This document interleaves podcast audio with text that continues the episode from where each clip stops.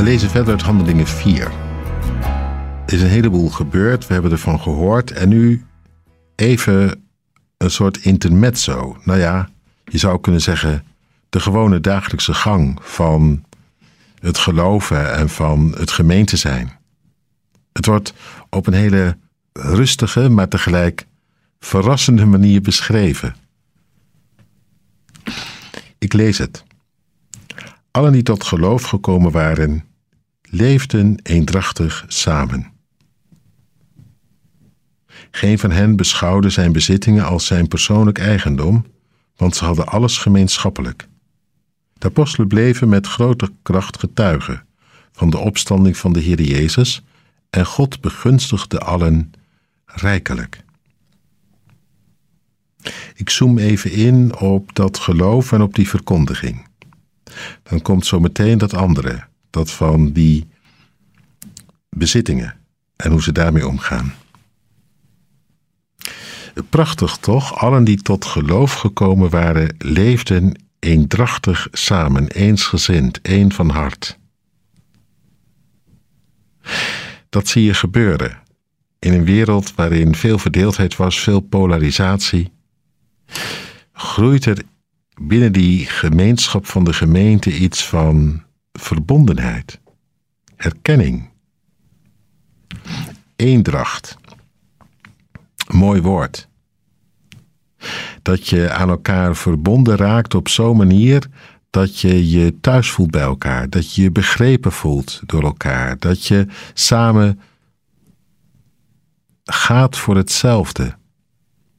In dit geval leeft bij het geheim van Gods genade en opnieuw in het leven staat als zonen en dochters van de Allerhoogste, als huisgezin van de levende God. Ze kunnen eigenlijk hun geluk niet op. Dat hele gewone van elke dag, dat je zoveel met elkaar hebt en kreeg, dat is het bijzondere. En dat wordt ook gevoed. Het staat erbij, de apostel bleef met grote kracht getuigen van de opstanding van de Heer Jezus. Er staat niet bij dat ze voortdurend hele spectaculaire dingen meemaakten, maar dat ze bleven bij dat getuigenis. Bij dat wat het geheim van hun leven was geworden, de opstanding van Jezus. Ik denk dat het steeds dieper, steeds dieper doorgedrongen is, wat dat betekent. En ik moet je eerlijk zeggen, dat is ook het mooiste wat je hebben kunt, althans als ik spreek voor mezelf. Dat het steeds dieper doordringt wat het betekent. Jezus opgestaan, ik met Hem, het oude voorbij. In een nieuwe werkelijkheid, in de vrede en de vrijheid met God. Dat je vanuit die werkelijkheid om je heen mag kijken. En ook naar jezelf. Dan voel je je echt rijk bedeeld. Er staat hier: God begunstigde allen rijkelijk. Ja, door die verkondiging heen word je steeds rijker. Althans, dat allereerst. Maar dat niet alleen. Met dat je je bewust wordt dat die opstanding van Hem een werkelijkheid is, kan Gods geest daar ook op door.